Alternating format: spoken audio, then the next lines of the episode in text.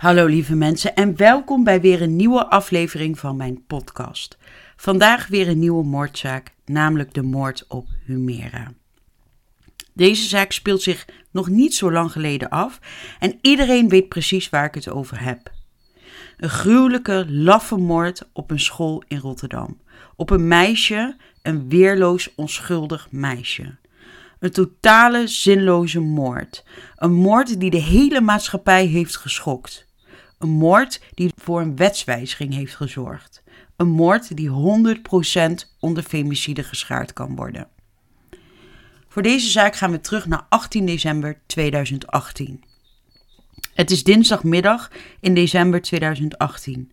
De 16-jarige Humera wordt iets na 1 uur op haar school in Rotterdam in de fietsenstalling doodgeschoten door Bekir E. Met wie zij een korte affaire had. Om het hele verhaal te begrijpen gaan we even terug in de tijd, namelijk van de periode van juli 2017 tot kort voor de moord december 2018. Bekir E en Humera hebben elkaar in juli 2017 via Facebook leren kennen. Hieruit ontstond een korte relatie tussen beiden. Bekir E was toen 30 jaar terwijl Humera nog maar 15 was. Op dat moment waren beiden niet eerlijk over hun leeftijd. E deed zich jonger voor, Humera deed zich ouder voor. Maar door een incident kwam Humera achter de werkelijke leeftijd van E en E achter die van Humera.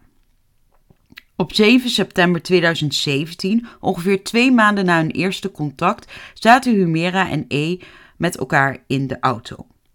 De politie vroeg toen tijdens een controle in de koolhaven in Rotterdam om hun legitimatie. Humera kon zich niet identificeren en moest mee naar het politiebureau waar haar zus haar ID kwam brengen. Vanaf dat moment wist E dat Humera minderjarig was. Maar Humera wist ook de werkelijke leeftijd van Bekir E. En daar schrok ze van. Humera wilde per direct al het contact verbreken met E. Echter accepteerde hij dit niet. Op 8 mei 2018 heeft Humera voor het eerst aangifte gedaan tegen E aangifte voor mishandeling en bedreiging tussen 6 en 8 mei 2018. Op 30 mei 2018 en 1 juni 2018 heeft Humera wederom aangifte gedaan tegen E. Onder andere van stalking. E was constant op zoek naar contact met Humera, zelfs uh, via andere mensen, en hij liet Humera gewoon niet met rust. De politie heeft screenshots uit de telefoon van Humera gezien, waar je leest dat Bekir E. Humera met de dood bedreigde. Hij zegt onder andere: Ik ga je doodsteken, ik maak je dood. En deze dossiers zijn, uh, of deze screenshots zijn allemaal bij het dossier gevoegd. Op 16 augustus 2018 is de zaak voorgekomen bij de rechter. Nou, toen kenden ze elkaar iets meer als een jaar. Dus kun je zien hoe snel dat eigenlijk uit de hand is gelopen. Bekir is voor de mishandeling en uh, voor de doodsbedreigingen veroordeeld voor een gevangenisstraf uh, van zes weken, waarvan drie voorwaardelijk, met een proeftijd van twee jaar. Ook heeft hij bijzondere voorwaarden gekregen en deze bestond uit een contactverbod met Humera. Echter hield Bekir E. zich niet aan het contactverbod, want hij nam vanaf november 2018 via de familie van Humera weer contact met haar op. Zelfs een gevangenisstraf, een daadwerkelijke veroordeling, weerhoudt Bekir E. zich er niet van om Humera los te laten, om haar gewoon met rust te laten. Een vriend van Bekir E., aangemerkt in het dossier als getuige 1, heeft tegen E gezegd dat hij uh, niet meer met Bekir E wilde omgaan als hij Humera niet met rust liet. Ook omdat Humera nog zo jong was. Hun waren in de dertig, Humera was minderjarig. Op 26 november 2018 heeft E een berichtje naar die vriend gestuurd met de tekst: Humera heeft weer aangifte gedaan, ik word weer gezocht. Op 11 december 2018 heeft Humera voor de vierde keer tegen E aangifte gedaan. Ditmaal voor stalking in de periode tussen 4 november en 11 december 2018. Uit deze aangifte leren we dat E, ondanks zijn veroordeling, toch weer contact zocht met Humera. Hij heeft twee keer gebeld naar haar werk. Ehm, hij zou ook op 4 november in de buurt van haar werk zijn geweest. Verder blijkt dat E kort na de rechtszaak ook een foto uh, heeft gestuurd met zichzelf en twee vuurwapens. Een van deze wapens heeft hij daadwerkelijk Humera om het leven gebracht. Humera benadrukt ook bij de politie dat ze echt bang is voor E. Ze is bang dat hij die wapens op een dag echt zou gaan gebruiken. Bekir E heeft het wapen rond september 2018 aangeschaft. Ook de bijbehorende munitie heeft hij in die tijd aangeschaft. Op 25 oktober 2018 heeft Bekir E bij een schietvereniging geoefend met gericht schieten met een vuurwapen, ongeveer 50 patronen. Kort voor de fatale dag, enkele dagen om precies te zijn, is E vaker gezien in de directe omgeving van de school van Humera. E woonde daar helemaal niet in de buurt, dus hij had daar in principe ook helemaal niks te zoeken. Het is niet dat hij daar langs moest, bijvoorbeeld om naar een winkel of zo te gaan. Een vriendin van Humera, ook wel aangeduid in het dossier als getuige 2, heeft E op die maandag, een dag voor de moord, langs school zien rijden. Dit was rond de klok van 4 uur middags. Normaal gesproken zou dit het moment zijn uh, dat de les over was, maar ze waren die dag vrij. Getuige 3, die op 18 december 2018 ook in de auto van E zat, woonde schuin tegenover de school. Hij zegt dat hij voor 18 december E niet zelf bij de school heeft gezien, maar zijn auto wel. De auto was opvallend omdat hij uitgebouwd was en mooie velgen had. Ook had hij een atypisch geluid, dus herkenbaar. En getuige 3 heeft verklaard dat E geregeld langs de school van Humera reed. Ook op de dagen van de feiten. Dan komen we aan op de dag van de feiten, op 18 december 2018. Bekir E is op de ochtend van 18 december 2018 met een doorgeladen pistool van huis gegaan. Rond de klok van 11 uur is E met de auto met daarin als tweede passagier getuige 4 naar de school gereden. Hij heeft daar kort contact met twee scholieren. Getuige 5 stond in de kleine pauze om 11 uur samen met zijn vriend om de hoek bij school. En hij verklaart dat er twee mannen in een zwarte auto kwamen aanrijden. De vriend van getuige 5 vroeg aan deze mannen in de auto om een sigaret. Er werd door de mannen aan de jongens gevraagd of zij pauze hadden, waarop getuige 5 antwoordde dat ze in de kleine pauze eigenlijk de school niet uit mochten. Er werd door de mannen gevraagd wanneer iedereen naar buiten zou komen, waarop getuige 5 antwoordt dat dit tijdens de grote pauze zou zijn om 1 uur. Zowel aan de voor- als aan de achterzijde van de school als in de school hangen veel camera's. De politie heeft natuurlijk deze beelden veiliggesteld. En op deze beelden is te zien dat E om 4 minuten over 11 op de hoek van de straat vlakbij de school staat. Dan wordt de auto van E rond de klok van 1 uur twee keer weer in de directe omgeving van school gezien. Om 12 uur 59 komt de auto in de buurt van de school. Er wordt een soort rondje gereden en uiteindelijk komt de auto tot stilstand bij de school. Getuige 3, die door E en getuige 2 eerder die dag is opgehaald en rond 1 uur ook in die auto zat, vroeg aan E of hij hem thuis wilde afzetten. Maar dit ging raar volgens getuige 3. Hij had de verwachting dat E hem voor zijn huis zou afzetten. Zijn woning is in de buurt van de school. Maar plots scheurde E een zijstraat in en het leek op dat moment of hij iemand aan het zoeken was. E reed de straat van de school in en stopte opeens. Hij schreeuwde opeens: Zij moet ik hebben. Op camerabeelden is te zien dat de verdachte vlak bij de school aankomt rijden terwijl Humera over de stoep loopt. Humera kijkt in de richting van de auto. Ze ziet dat dit de auto van Beek hier is en begint te rennen terug naar de school. E stapt op dat moment uit zijn auto en grijpt naar zijn broeksband, de plek waar zijn wapen zit. Hij rent achter Humera aan. Ze rent naar binnen in de school en E rent achter haar aan en ondertussen probeert hij iets uit de voorzijde van zijn broek te halen. Tijdens de achtervolging heeft E steeds één of beide handen aan zijn broeksband. Humera en E rennen door de school richting de fietsenstalling en de leslokalen. Op de beelden is te zien dat Humera een halletje inrent, de trap af richting de fietsenstalling. Net voor E dat halletje inrent, heeft hij het vuurwapen vast. Als hij dan ook het halletje inkomt, is hij vlak achter Humera. Hij trekt zijn rechterarm uit en richt het vuurwapen op Humera. Humera komt dan in de fietsenstalling ten val wanneer E met een gestrekte arm in de richting van Humera ook de fietsenstalling binnengaat. Ze ligt lang uit op de rug en uh, op dat moment is ze dan neergeschoten. E staat boven Humera en ze draait haar gezicht naar E. Op dat moment schiet E Humera van zeer korte afstand door het hoofd. Daarna schiet hij nog twee keer op het meisje. Ze mocht maar 16 jaar worden. Humera is doodgeschoten op een plek waar ze veilig had moeten zijn. Het is een gruwelijke laffe daad. Geen enkel woord kan recht doen aan de ernst van deze feiten. Vervolgens loopt E weer uh, in de richting van het halletje. Hij draait zich weer om, loopt de trap weer af, stapt over Humera heen en loopt weg in de richting van de andere uitgang van de fietsenstalling. Vervolgens rent hij uh, de school uit via het schoolplein, stapt de auto in en rijdt weg. E heeft om 9 minuten over 1 naar 112 gebeld met de mededeling dat hij zijn vriendin heeft geschoten. Om 13 uur 21 uh, heeft hij naar getuige 6 gestuurd. Ik heb Humera doodgeschoten. Een halve minuut later heeft E een spraakbericht naar getuige uh, 7 gestuurd met daarin... Ik heb Humera doodgeschoten. Bolla, ik maak geen grapje. Het vuurwapen ligt in mijn auto. Nadat de politie, nadat de politie Bekir E heeft aangehouden en in een politiebus heeft gestopt, verklaarde de verdachte het volgende. Weet u waarom ik het gedaan heb? Zij heeft mij ernstig in verlegenheid gebracht, meneer.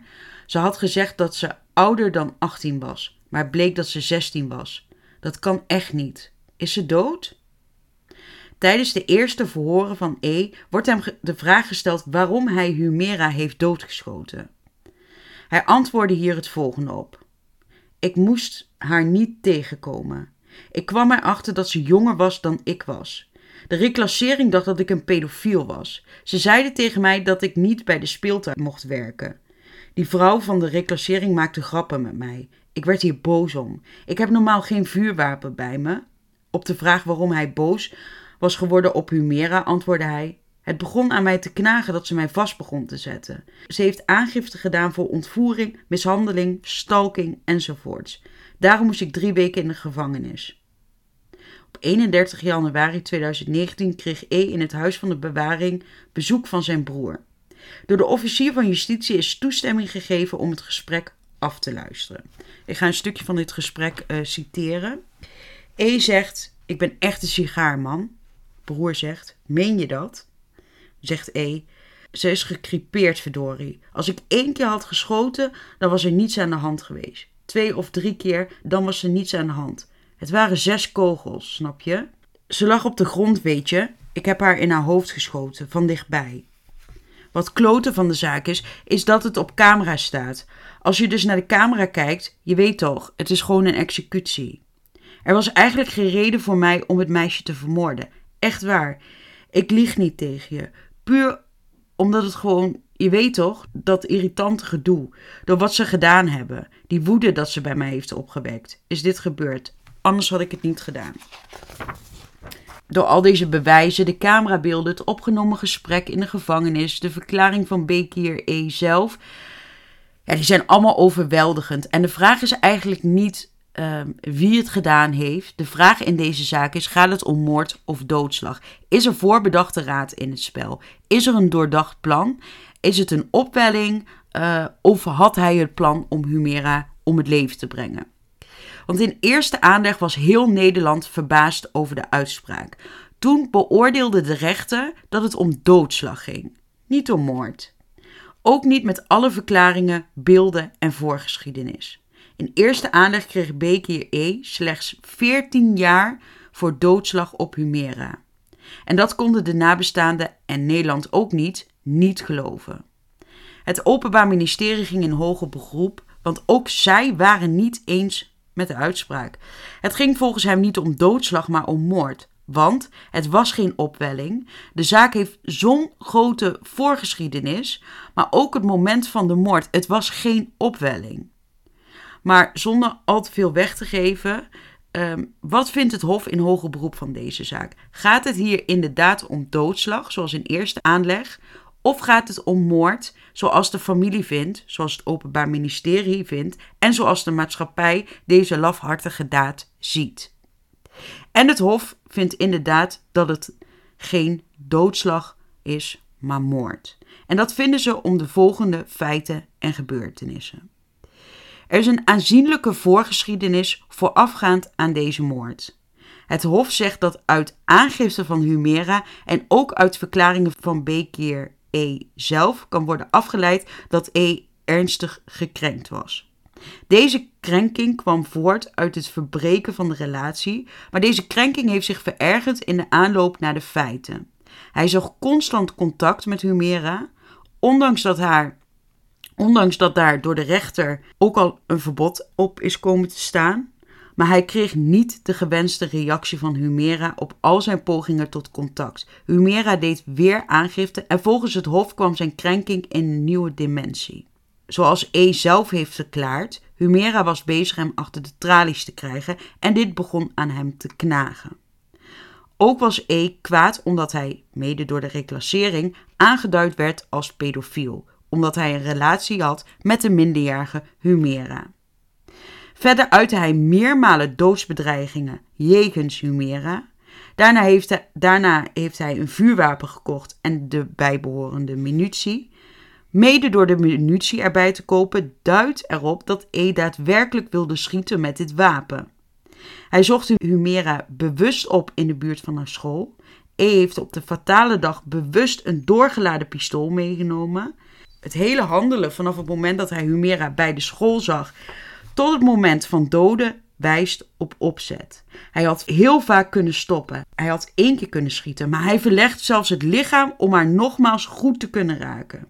Het was, zoals de eigen woorden van E, een executie. Er wordt, zoals jullie weten, ook altijd onderzoek gedaan naar de psyche van de verdachte, in dit geval dus van Bekeer E. E heeft medewerking verleend aan het onderzoek van het Pieter Baan Centrum. En uit dit rapport bleek dat E uh, functioneert op een licht verstandelijk beperkt niveau. Dit maakte E naïef, impulsief en beïnvloedbaar. Zijn denkwereld is rigide, dogmatisch en kinderlijk. Ook is er sprake van een ernstig persoonlijkheidsstoornis met antisociale en narcistische trekken, waarbij E voldoet aan de criteria van psychopathie. En dat is wel heel fors hoor, mensen. Het ontbreekt E aan zelfinzicht, empathisch vermogen en zijn geweten is ernstig gestoord.